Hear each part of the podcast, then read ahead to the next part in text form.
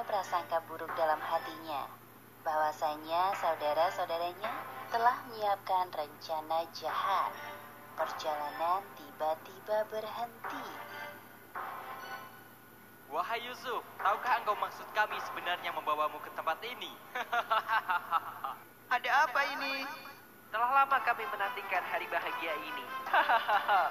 Apa maksudnya, Kak? Aku tidak tahu apa-apa. Setelah ini engkau akan tahu. Cepat, lepas bajunya. Jangan, Kak. Apa salahku? Semenjak engkau lahir, ayah mengabaikan kehadiran kami dan semua itu adalah kesalahanmu. Wahai Yusuf, cepat ikat tangannya. Itu sama sekali tidak benar, Kak. Ayah sangat menyayangi.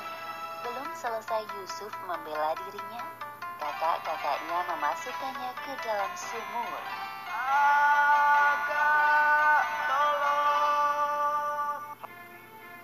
Rasakan kau, selamat tinggal adikku tersayang.